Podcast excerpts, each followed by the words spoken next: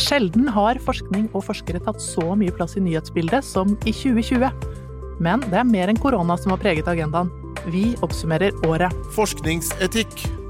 En podkast fra de nasjonale forskningsetiske komiteene. Gjennom hele året har det vært en pågående debatt om akademisk frihet og ytringsfrihet. Vi starter med det første. For i en lederartikkel 23. april kom Dagbladet med denne oppfordringen. Norges forskningsråd vil styre norsk forskning i instrumentell retning med sitt nye strategiutkast. De burde hegne mer om letingen etter kunnskap ingen ennå vet at de trenger. Forskningsrådet beskyldes for å legge sterke føringer på forskningen, og grunnforskningen blir, ifølge Dagbladet, i stor grad forbigått. Jon Arne Røttingen svarer på kritikken og uttaler at grunnleggende forskning og innovasjon ikke jobber mot hverandre og debatten fortsetter. I Krono blir Røttingen utfordret til å reflektere over om forskningsfinansieringen i Norge utfordrer den akademiske friheten. Han svarer at ingen offentlig finansiering i Norge utfordrer denne friheten. Helene Ingjerd, du er direktør i de nasjonale forskningsetiske komiteene. Hvorfor er akademisk frihet så viktig? Ja, eh, akademisk frihet er jo helt grunnleggende. Det er en forutsetning for utviklingen av eh, ny og pålitelig kunnskap.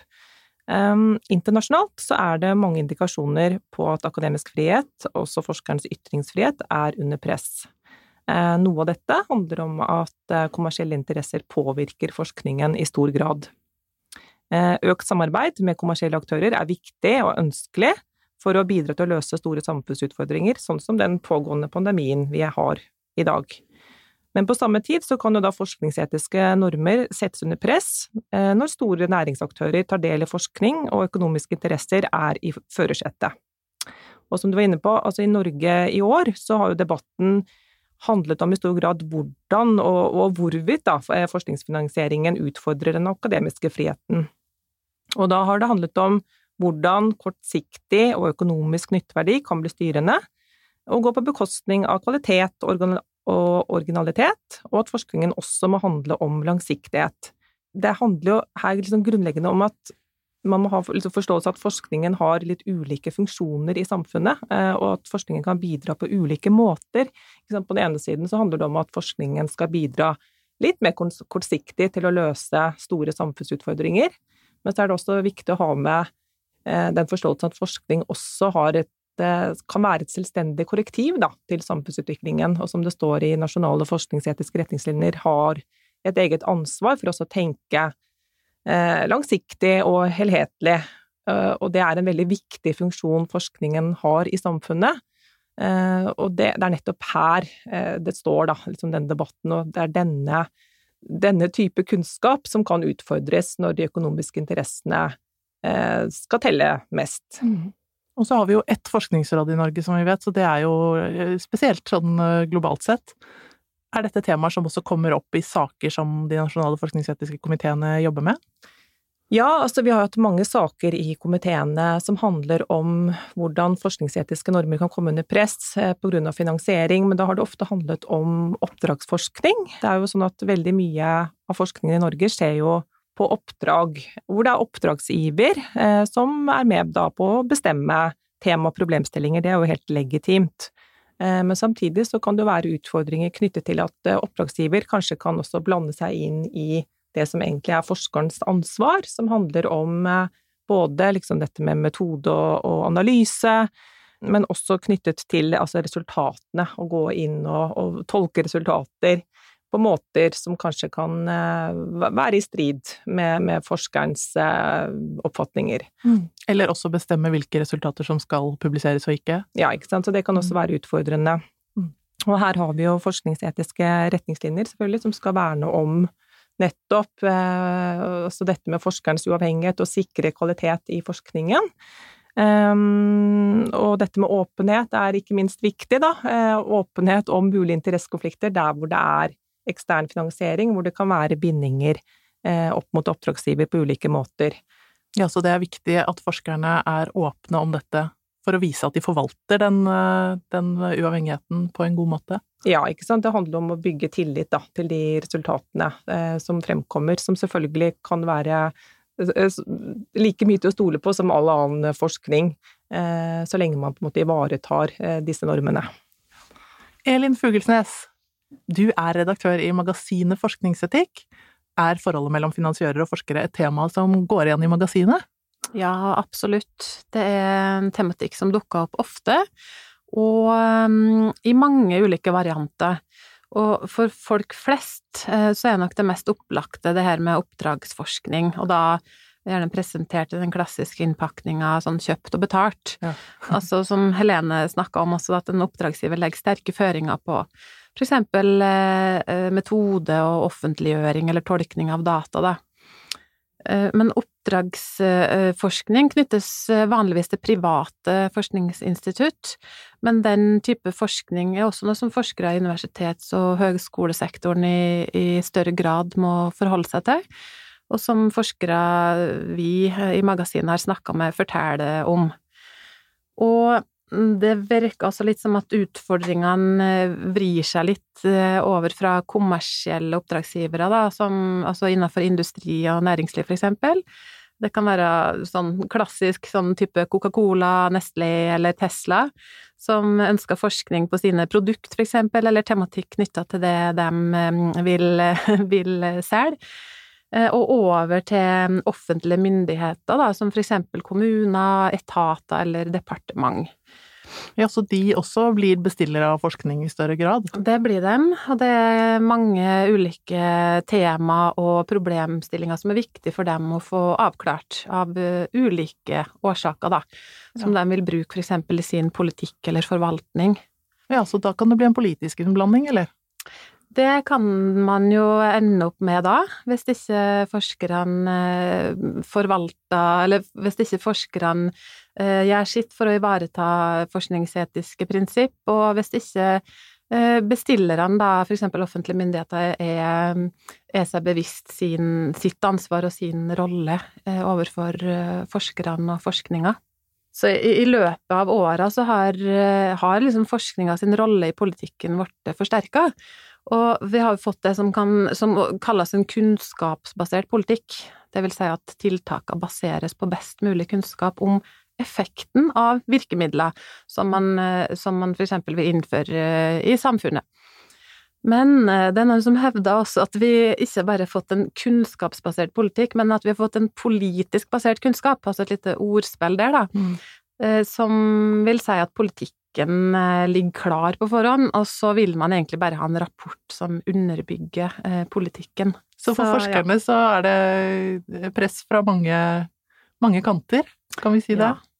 Det er det absolutt. Og forskere som magasinet som vi har snakka med, de er jo opptatt av at styring ikke bare skjer i oppdragsforskning eller i en eh, mer sånn direkte form, Eh, det kan like gjerne skje når Forskningsrådet eller EU lyser ut midler gjennom sine program, for eksempel. Og um, i ett tilfelle uh, som vi har skrevet om, så opplevde for eksempel uh, forskere som hadde fått innvilga midler fra Forskningsrådet, som hadde allerede fått pengene, uh, men da opp opplevde forskerne det som at um, det var et forsøk fra administrasjonen uh, i Forskningsrådet på å få prosjektet over i en litt mindre konfliktfylt retning. Mm. Det var i hvert fall sånn forskerne opplevde, så er det jo en annen beskrivelse og oppfatning av det fra Forskningsrådets side. Der handla jo om hvordan forskerne eh, sin hverdag, eller, eller arbeidshverdag og forskningshverdag, kan oppleves, da. Ja, det skal vi selvfølgelig la dere få lese mer om når vi legger ut denne podkasten. Så skal vi lenke opp til denne artikkelen i bladet, så dere kan lese mer om eh, alle sidene ved den saken og det øvrige vi snakker om her i dag. Men det er åpenbart mye å ta tak i her, eh, Helene Ingjerd. Hvordan kan institusjoner og finansiører ta tak i disse utfordringene?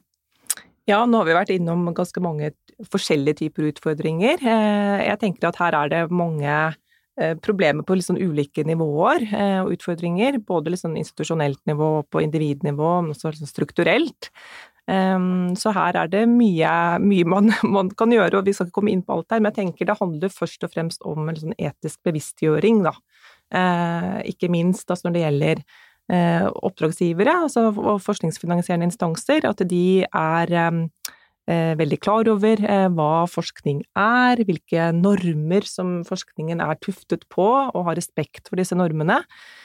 Som jeg var inne på, det handler om at forskningen har litt sånn ulike funksjoner i samfunnet, og så er det disse normene om uavhengighet og åpenhet som er veldig viktige for å sikre pålitelig kunnskap, mm. som vi må verne om, og som alle har et ansvar for å verne om, alle som er involvert i forskning på ulike måter. Og så har det også vært, eh, i året som har gått, har det også vært mye snakk om den enkelte akademikers ytringsfrihet. Og da er det nesten umulig å ikke nevne Eikrem-saken ved NTNU og den såkalte Tyskerhvitt-saken ved UiB. Og det er to veldig ulike saker. Eh, begge handler imidlertid om akademisk ansatte og hva de kan si og ikke si, og begge har ført til bred og stor og lang debatt. Eikrem-saken er for tiden gjenstand for en omfattende gransking ved NTNU, og dere kan lese mer om begge disse sakene på for eksempel krono.no, som har dekket dem grundig. Men vi skal løfte det, og jeg spør Elin Fugelsnes, hvordan opplever du at ytringsklimaet for akademikere er i Norge? Syns dessverre det er mye som tyder på at mange forskere vegrer seg for å delta i debatter, både ut fra det vi i magasinet har skrevet om, og forskere vi har snakka med, og ut fra um, andre saker som har vært fram i, i media. Og én ting er jo saklig eller faglig kritikk, og diskusjon, um, og motstand, på en måte, det må jo forskere tåle. Det er jo viktig for å utvikle forskninga og for å få motstemmer, på en måte. Det er jo ikke alltid at Altså, enkeltforskere har jo ikke alltid eh, rett, hvis man kan si det sånn. Nei, det ligger vel i forskningens natur at ja. den skal kritiseres. Det er på en måte en del av det å få frem det ja, beste kunnskapsbildet. Det er det. Mm. Eh, men eh, noe helt annet er jo mer sånn hets og sjikane og regelrette trusler. Og eh, særlig forskere som jobber med konfliktfylte, kontroversielle eller mer følsomme temaer. Eh, det kan være innvandring, klima, naturforvaltning, kjønn eller, eh, eller en ME, altså den sykdommen, tilstanden ME. Forskere innenfor slike temaer, forteller om stygge verbale angrep og anklager. Ja. Har, har sosiale medier en viktig rolle her? Ja, det har det nok absolutt. Eh, og eh, særlig, ikke sant, det som skjer i kommentarfelta. Der opplever nok forskere at det går veldig hardt for seg, og at det er skikkelig stygge angrep. Ehm, og sånn overordna sett, eh, i, i debatten som, som, generelt, så kan det jo dreie seg om alt fra ufine personkarakteristikker til beskyldninger om at forskerne er uredelige, eller at de lyver eller det kan være så ille som altså at noen truer med at de skal ta forskerne. Mm. Så det er et spekter her, da, fra um, ordskiftet som foregår i, i liksom den uh, egentlige mediesaken, da, uh, til altså for eksempel en nyhetsartikkel eller en radiodebatt, uh, og over til det som skjer i sosiale medier eller i kommentarfelter på, på så disse mediesakene, da. Mm. Helene Inger, ser du den samme tendensen? Du har jo blant annet tatt opp dette temaet i boken Interessekonflikter i forskning, som kom i fjor? Ja, som Elin var inne på, så har det jo vært eh, mange eksempler som jeg er blitt gjort kjent med når det er eh, snakk om forskning på liksom betente områder, da. Eh, Den nasjonale forskningsetiske komité for naturvitenskap og teknologi har jo hatt en del sånne saker som har som ulveforskning, for eksempel. Eh, I boken så skriver Norin Myklebust, eh, direktør på NINA, om erfaringer derfra, hvordan forskere på instituttet ble utsatt for hets og sjikane. Dette var prosjekter som gjaldt altså villaksforskning. Og det er eh, bekymringsfullt å høre slike historier. Altså det som dere var inne på, dette med å, å få faglig kritikk og korrektiv, det er jo en del av forskningens eh, altså det man ønsker. Altså man skal korrigere hverandre og, og, og utøve saklig kritikk, men her var det jo snakk om eh, noe utover det, da, som, som, gikk langt utover det, og hvor det er vanskelig for kanskje spesielt yngre forskere å stå i, i en sånn storm. Så det er bekymringsfullt. Og så er det jo sånn at uh, forskere i utgangspunktet har en spesielt vid ytringsfrihet. Ja, det tenker jeg at man kan snakke om fordi det, dette idealet om sannhetssøken, eh, som jo forskere har, det, det, fordrer jo Altså, ytringsfrihet er liksom en forutsetning for sannferdighet. Eh, hvis, man, hvis man skal snakke sant, så må man på en måte også kunne ytre seg om, om, det man eh, ønsker, og det man tenker er eh, viktig. Også når det er kontroversielt. Ja. Og forskere har jo også som en del av jobben sin faktisk å delta i, eller å formidle forskning i hvert fall, eh, om ikke å delta i det offentlige ordskiftet, men det er jo gjerne en naturlig følge av det. Elin, hvorfor er det så viktig at forskere deltar i den offentlige debatten? Jo, det, det er mange grunner til det, og en sånn overordna grunn er jo at det er mm, viktig at de bidrar til en opplyst debatt, som det så fint heter. Og de sitter jo på viktig ekspertkunnskap på sitt område og om sine forskningstema, og de har kanskje fordypa seg i noe i mange år. Eh, så på ulike måter kan jo de bidra i den her opplyste debatten, da, eh, for eksempel ved å informere om egen forskning og egne resultat, eh, mer som en sånn kunnskapsopplysning, type 'det her har jeg funnet ut', eller ved å delta mer aktivt i en debatt med andre forskere, fordi, ikke sant, som vi var innom, sannhet etableres ikke gjennom enkeltstudier. Vitenskapen er på en måte dynamisk. Mm. Eh, og en forsker eller en ekspert sitter ikke på det endelige svaret. Og det kan også være ved å gå politikere eller beslutningstagere i møte på, mm. på enkelte tema. Ja, så både for å få brynt kunnskap og for å få brukt den riktig, da, så, ja. så må de ta ja, del i det selv? Rett og slett. Det kan handle om å oppklare misforståelser, utvide kunnskapstilfanget, eller bidra til at gode beslutninger tas eh, i kunnskapssamfunnet, da. Mm. Så samfunnet vårt er jo mer komplekst enn noen gang. Og, um, og det er prega av en skepsis, da, samtidig til etablerte sannheter og til eksperter og vitenskap. Eh, og i en sånn eh, verden, eh, der kan forskeren være en motkraft mot alternative fakta og falsk forskning og subjektive meninger og alt det her som blir, som blir diskutert og, og sle, kanskje slengt litt om seg med da, i visse fora. Et annet tema som har vært hett, også i år, er forskning med stordata. Og da gjerne i kombinasjon med kunstig intelligens. Og stordata har også vært et satsingsområde for de nasjonale forskningsetiske komiteene i år. De har gitt ut rapporten Stordata i forskning store muligheter, store utfordringer. Helene Ingjerd, hva er målet med denne rapporten? Altså målet er jo å gi veiledning, først og fremst, eh, til forskere og andre som er involvert i forskning med, med stordata. Eh, vi har sett et behov for en, eh, en, sånn rapport i komiteene. Dette er en tverrfaglig rapport som alle komiteene har samarbeidet om. Når stordata tas i bruk i større grad og i flere akademiske disipliner enn tidligere, så øker jo da behovet for en diskusjon om hva etisk god og ansvarlig forskning med slike data innebærer. Og vi ser at det er noen forskningsetiske normer som settes under særlig press med stordata. Mm.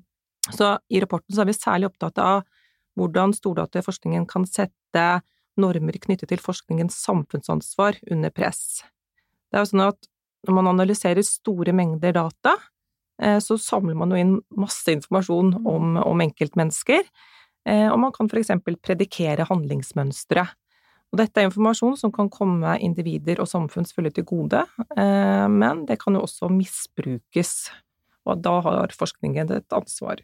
Ja, det, det, må vi gå litt inn på. Hvordan, hvordan, kan dette misbrukes? Vi har jo noen eksempler i rapporten, og noe av det vi har sett, er jo at stordata kan sette demokratiske rettigheter under press.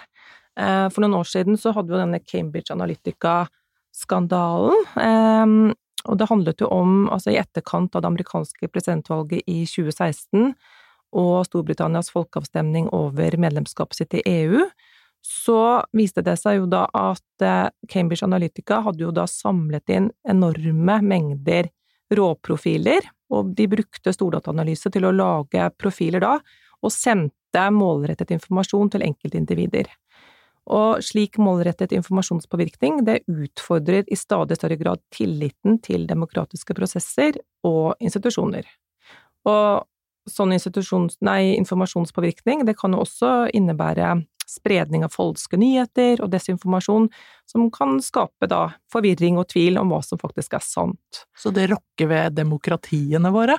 Ja, rett og slett. Eh, det gjør det. Og et annet aktuelt eksempel, altså hvor dette med mulig misbruk av eh, store mengder data kom opp, var jo denne diskusjonen rundt eh, smitteappen i Norge tidligere i år. Mm. Det var denne Smittestopp-appen som ble utviklet våren i år, og som skulle samle inn lokasjonsdata fra GPS og Bluetooth. Og et av formålene med appen var da å effektivisere smittesporing av koronaviruset og begrense spredningen, så det var et godt formål. Eh, men samtidig så var det jo en viss risiko her kanskje for at denne både innsamlingen av store mengder data og sammenstillingen av disse dataene kunne misbrukes. Så vet vi jo da at på bakgrunn av en rekke ulike bekymringer knyttet til appen, så så er ikke den eh, i bruk lenger, og det er en ny app som er under utvikling, som vel snart lanseres. Så her er det jo, som jeg var inne på da, forskeren har jo en viktig rolle i både genereringen av stordata, eller når data tas i bruk, eh, som andre aktører har samlet inn. Eh, og vi sier jo blant annet av rapporten at det er veldig viktig at forskere reflekterer kritisk over formålet med med denne datainnsamlingen, hvordan forskningen skal brukes, og hvordan den eventuelt kan bli misbrukt. Og så jobber de nasjonale forskningsetiske komiteene også mye internasjonalt. Det, det, er kanskje ikke så godt kjent, men det, vi jobber gjennom mange ulike fora. Eh, ser du stordata som et viktig forskningsetisk tema globalt, Helen Ingjerd? Ja, absolutt. Eh, dette er jo høyt oppe på agendaen i de internasjonale foraene vi er en del av og samarbeider med. Eh, så dette er et tema som både stordata og kunstig intelligens, eh, som, som, eh, det jobbes mye med å utvikle på en måte et etisk rammeverk både i Europa og i verden for øvrig. Og det er viktig for oss selvfølgelig å være en del av disse nettverkene. Og vi ser jo da at det er liksom en bredde i, i hvilke forskningsetiske hensyn som er viktig. Alt fra det som handler om forskningens samfunnsansvar, som jeg var inne på, til selvfølgelig det som handler om å beskytte den enkelte, eh, enkeltindividet, det som handler om personvern og samtykke osv. Vi avslutter øverst på agendaen, for koronaen ble nylig kåret til årets ord, og dette har jo vært tema med stor T gjennom nesten hele året. Elin Fuglesnes, dette har vært en gjenganger i magasinet Forskningsetikk også, ja, det har, det har, vært umulig å unngå egentlig at korona og covid-19 har blitt et viktig tema i alle årets utgaver, så vil si tre, tre utgaver av magasinet Forskningsetikk i år. Fordi eh, forskning i krisetid, da, som det kan, kan kalles, det vi er inne i nå, det bringer opp så mange spørsmål som det er viktig å prøve å finne svar på. Og forskningsetikken utfordres på en måte i alle bauger og kanter. Og koronaforskninga handler jo om liv og død, og da er presset etter resultat så stort, og alt haster så innmari. Så hvordan eh, oppleves det for forskere som på en måte står i frontlinja og skal gi svar mens eh, staten eller eh, myndighetene, dem som kan bestemme noe, dem står og tripper og helst skulle hatt svar i går. Og hele befolkningen og hele befolkningen. Alle vil, ha, alle vil ha svar. Ja. Alle vil ha hjelp, og det må gå fort. Hvordan skal da forskerne vurdere all For eksempel da, all den der andre hurtigproduserte kunnskapen som, som, andre forskere allerede har eh, brakt fram, da, og som de sjøl skal bygge sin egen forskning på. Liksom, usikkerheten som ligger i den kunnskapen, mm. og som de eh, da eventuelt skal eh, bake inn i sine valg og sin forskning. Og hva kan forskerne fire på, da, uten at det går utover enkeltindivid, eller at tilliten til forskninga settes på spill? Eh, er det for eksempel, altså et annet eksempel, er det, er det etisk forsvarlig å la folk delta i såkalte challenge-studier, eller eksponeringsstudier på norsk, der, eh, der da personer frivillig lar seg smitte med koronaviruset, som det ikke finnes noen behandling for, og som potensielt kan være dødelig, da, for at vaksineutviklinga skal gå fortere, og, og at dermed flere liv blir redda. Ja, dette er tema, et av temaene i siste nummer av magasinet Forskningsetikk. Ja, det er det. Er det noe som har på en måte overrasket deg, eller eh, vært nytt for deg? Du har jo jobbet med forskningsetikk i magasinet i mange år. Mm. Er det noe du har sett i denne perioden som liksom du tar med deg videre? Altså, det understreker kanskje bare mest betydninga egentlig av forskere i samfunnet, eh, og eh, hvor utfordrende deres arbeidsdag og deres, deres arbeid da, kan være. Hvor utrolig mange forskjellige valg de må ta stilling til. Og så det vel, har det vært veldig interessant å se eh, befolkninga sin Altså folk flest sin inkludering og involvering i forskninga, så settes jo på en måte på spissen i en sånn situasjon. Mm. Så det er rett og slett bare det at så mange forskjellige forskningsetiske prinsipp og, og normer blir løfta fram, da. Ja, det har vært present på alle bauger og kanter. Eh, Helene Ingjerd, hva har vært de viktigste forskningsetiske utfordringene som har vært oppe til debatt i pandemien? Ja, nå har jo Elin vært inne på, på mye her. Også, som, som, du sier, da, at det, når, eh, når, det er sånn at det er et veldig stort behov for kunnskap, og risikoen kan være høy, og samtidig så kan kunnskapen være usikker, og viktige verdier står på spill, ja, da settes jo mange av disse forskningsetiske normene under press. Og det handler jo da særlig, som vi har sett om, altså disse normene som skal beskytte den enkelte forskningsdeltaker. Eh, det handler om eh, å sikre informert samtykke, eh, om å få til en forsvarlig balanse mellom risiko og nytteverdi, for eksempel. Det kan være fristende å utforme prosjekter som kan være relevante, men samtidig som kanskje utsette deltakerne for høy risiko eller stor belastning. Eh, og det var eh, noe diskusjon for eksempel rundt eh, et prosjekt som, som, ønsket dette med utsetting av gjenåpning av skoler. Og noen liksom overordnede spørsmål som reises, er jo altså når, om overhodet, bør samfunnsinteresser trumfe hensynet til den enkelte når man skal gjøre en etisk vurdering av forskning? Mm. Og når vi er i en slik krisesituasjon som vi er i nå, så er det også spørsmål om det bør gjøres unntak fra noen regler og normer som skal beskytte den enkelte. Og dette er jo spørsmål som har vært oppe og vært løftet av flere aktører eh, i, i, denne situasjonen, og som er veldig viktige å diskutere. Mm. Eh, så det at forskningsetikk settes sånn på agendaen, det tenker jeg er veldig positivt eh, og bra at vi har disse diskusjonene levende.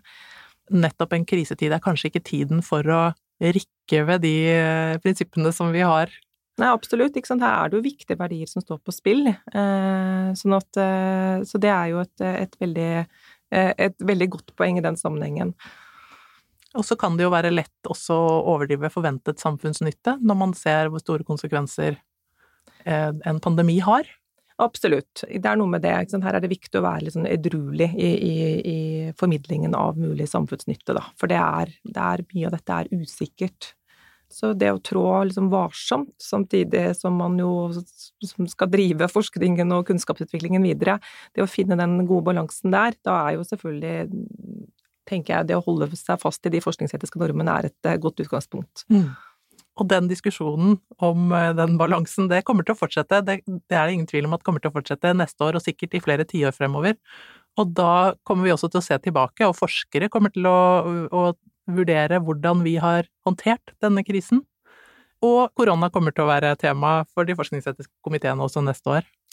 Ja, korona forsvinner jo da trolig ikke med det første, dessverre, så det, det gjør det. Eh, altså pandemiforskning og covid-19-forskning er et eh, viktig tema for oss som vi skal jobbe med neste år, og ta opp da ulike problemstillinger, ikke minst knyttet til dette med informert samtykke, risiko eh, for deltakelse i forskning, men også andre eh, forskningsetiske utfordringer som kan oppstå med covid-19-forskning. Tusen takk til Helene Ingjerd og Elin Fuglesnes. Du finner både boken om interessekonflikter, Stordatarapporten og magasinet Forskningsetikk på våre nettsider forskningsetikk.no. Der ligger det også en rekke andre ressurser. Både boken og magasinet kan du få helt gratis i posten, eller du kan lese dem på nett. Du har hørt Forskningsetikk, en podkast fra de nasjonale forskningsetiske komiteene. Jeg heter Ingrid Torp og vi ønsker alle lyttere en riktig god jul og et fredelig nytt år.